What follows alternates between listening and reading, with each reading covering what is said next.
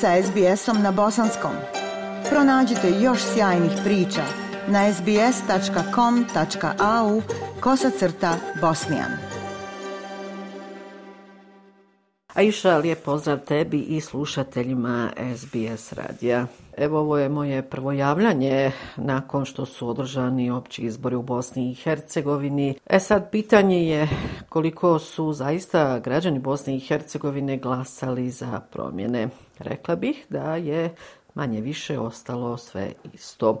Ali evo krenut ću nekako i redom. Centralna izborna komisija Bosne i Hercegovine saopćila je da je izlaznost na izborima u procentu od 50%. Ova izlaznost je za 4% manja u odnosu na opće izbore iz 2018. godine. U Federaciji Bosne i Hercegovine izlaznost je 48%, u Republici Srpskoj 53%, a u Brčko distriktu 44%. A iša Centralna izborna komisija Bosne i Hercegovine još nije završila sa brojanjem glasova. Ipak, manje više sve se zna, nakon prebrojanih 94,9% glasova, novi članovi predsjedništva Bosne i Hercegovine su Željka Cvijanović, Denis Bečirović i Željko Komšić. Iz reda bošnjačkog naroda Denis Bečirović osvojio je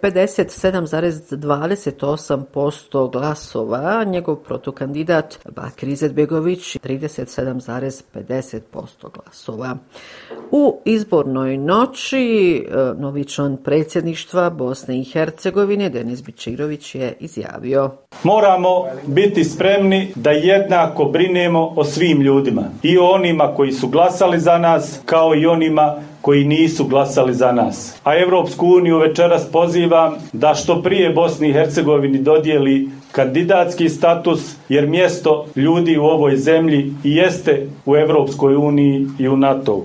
Želim uputiti jednu poruku i građanima i narodima Bosne i Hercegovine. Ujedinimo se oko budućnosti. Želim uputiti i poruku cijelom regionu posebno ljudima u Crnoj Gori, Srbiji i Hrvatskoj. Da počnemo sarađivati iskreno i ravnopravno.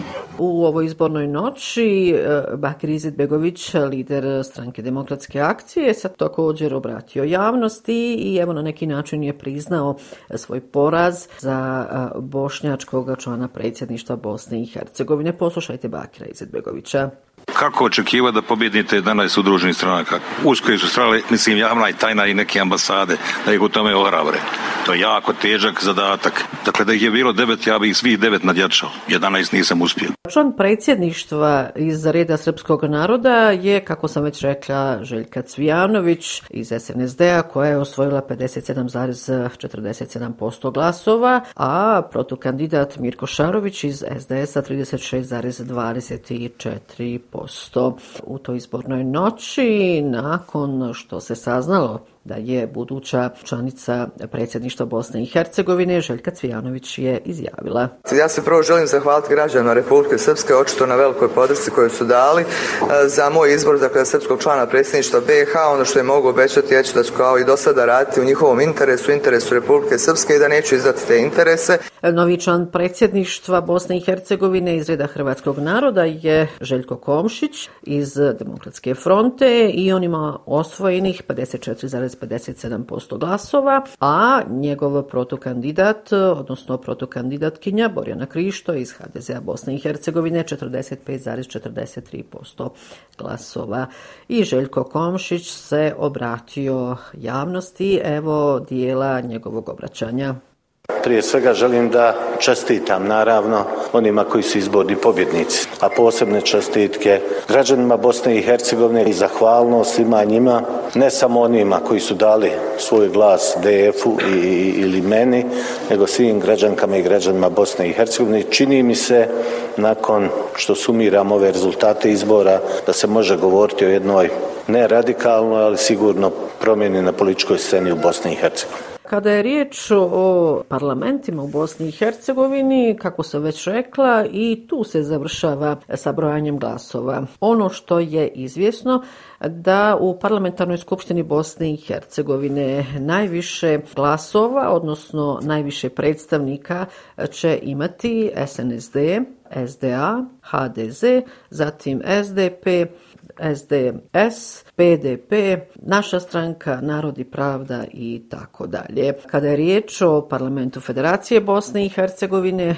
tu je najjača stranka demokratske akcije, potom je HDZ Bosne i Hercegovine, socijaldemokratska partija, odnosno SDP, stranka za BiH, naša stranka i Narod i pravda. Interesantno je zaista bilo ko će biti novi predsjednik Republike Srpske i dakle, zvanično, novi predsjednik Republike Srpske je kandidat SNSD-a Milorad Dodik sa 277.703 glasa. Njegova protukandidatkinja iz PDP-a e, je Jelena Trivić koja je osvojila 249.595 glasova. U toj izbornoj noći najprije je Jelena Trijević proglasila svoju pobjedu za predsjednicu Republike Srpske, a u ranim jutarnjim satima obratio se Milorad Dodik koji je proglasio sebe za pobjednika, odnosno predsjednika Republike Srpske. Opozicija u Republici Srpskoj nakon toga je bila razočarana tim rezultatima,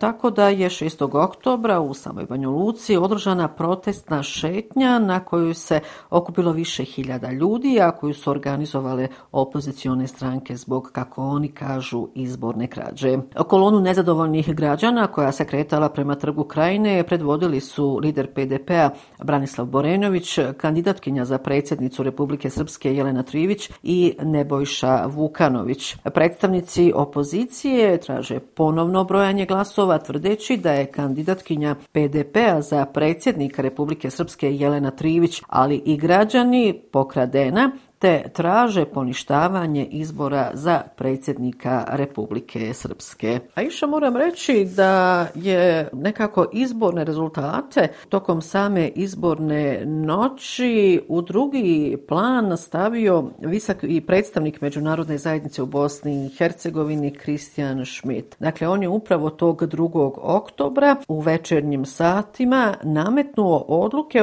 o izmjeni izbornog zakona Bosne i Hercegovine Hercegovine i Ustava Federacije Bosne i Hercegovine. Ono što mora uslijediti je brzo formiranje vlada, parlamenta i pravosudnih institucija, naveo je visoki predstavnik Međunarodne zajednice u Bosni i Hercegovini Kristijan Schmidt. Schmidt je kazao da je nametnuo mjere koje će unaprijediti funkcionalnost institucija u Federaciji Bosne i Hercegovine. Odlukama se uvode mehanizmi za deblokadu i strogo utvrđeni rokovi rokovi, čime će se osigurati funkcionalnost Federacije Bosne i Hercegovine. Ovom odlukom sam povećao broj delegata u Domu naroda federalnog parlamenta. Time se omogućava raspodjela mandata tako da se ispravlja prezastupljenost svakog od tri konstitutivna naroda u nekim kantonima. Također, sada po prvi put Ostali iz svih kantona mogu biti zastupljeni u Dom naroda Federacije Bosne i Hercegovine, pojasnio je visoki predstavnik Međunarodne zajednice u Bosni i Hercegovini Kristijan Schmidt. 5. oktobra Schmidt je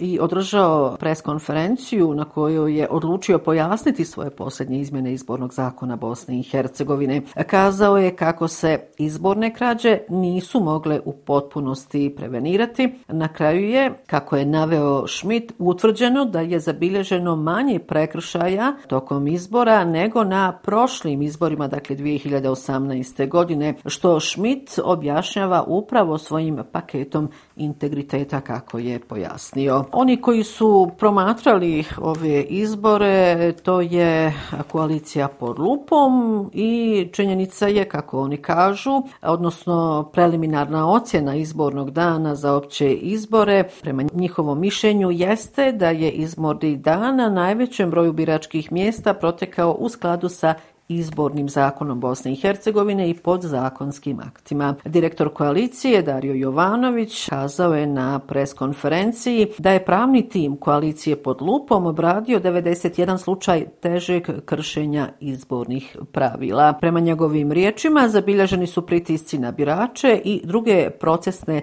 nepravilnosti od kojih se izdvajaju nepravilnosti tokom glasanja. A evo upravo dok ovo javljam u općini Novi grad, odnosno nekadašnjoj Bosanski Novi, ponavljaju se izbori a Centralna izborna komisija je upravo donijela odluku o raspisivanju izbora za biračko mjesto Hozići u osnovnoj izbor jedinici Novi grad. E, s obzirom na to da 2. oktobra izbore na tom biračkom mjestu nije bilo moguće održati u skladu sa izbornim zakonom. Evo još jedna vijest je iša obilježila proteklu sedmicu. Naime, premijer Federacije Bosne i Hercegovine Fadil Novalić, kojim se sudi u aferi respiratori, stavljen je 3. oktobra na crnu listu Sjedinjenih američkih država. Kako je saopćeno iz Ministarstva financija Sjedinjenih američkih država, Novalić je sankcionisan zbog korupcije i podrivanja institucija Bosne i Hercegovine. Navodi se da je Novalić u svojstvu premijera Federacije Bosne i Hercegovine zloupotrijebio položaj o penzionerima, odnosno zloupotrijebio podatke o penzionerima u korist vlastite političke stranke, a protivno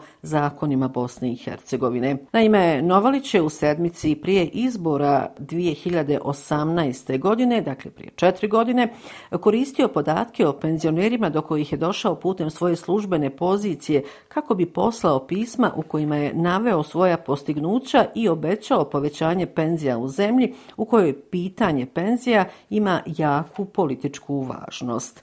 Na ovoj listi sankcija je i Slobodan Stanković, biznismen povezan povezan sa Miloradom Dodikom. On je inače jedan od najbogatijih pojedinaca u Bosni i Hercegovini. Dugogodišnji je vlasnik Integral Inženjeringa AD Laktaši, velike inženjerijske firme u Republici Srpskoj. A iša evo ovo javljanje ću završiti statističkim podacima. Dakle, da Bosna i Hercegovina i pored ovakve političke situacije postaje sve popularnija na svjetskoj turističkoj mapi potvrđuju i posljednji podaci Agencije za statistiku Bosne i Hercegovine. Tako je iz mjeseca u mjesec broj turističkih dolazaka i noćenja sve veći. Prema statističkim pokazateljima u Bosni i Hercegovini u avgustu turisti su ostvarili 195.222 posjete, što je više za 12,7% u odnosu na mjesec ranije, ali i za 29,2% više u odnosu na isti period prošle godine.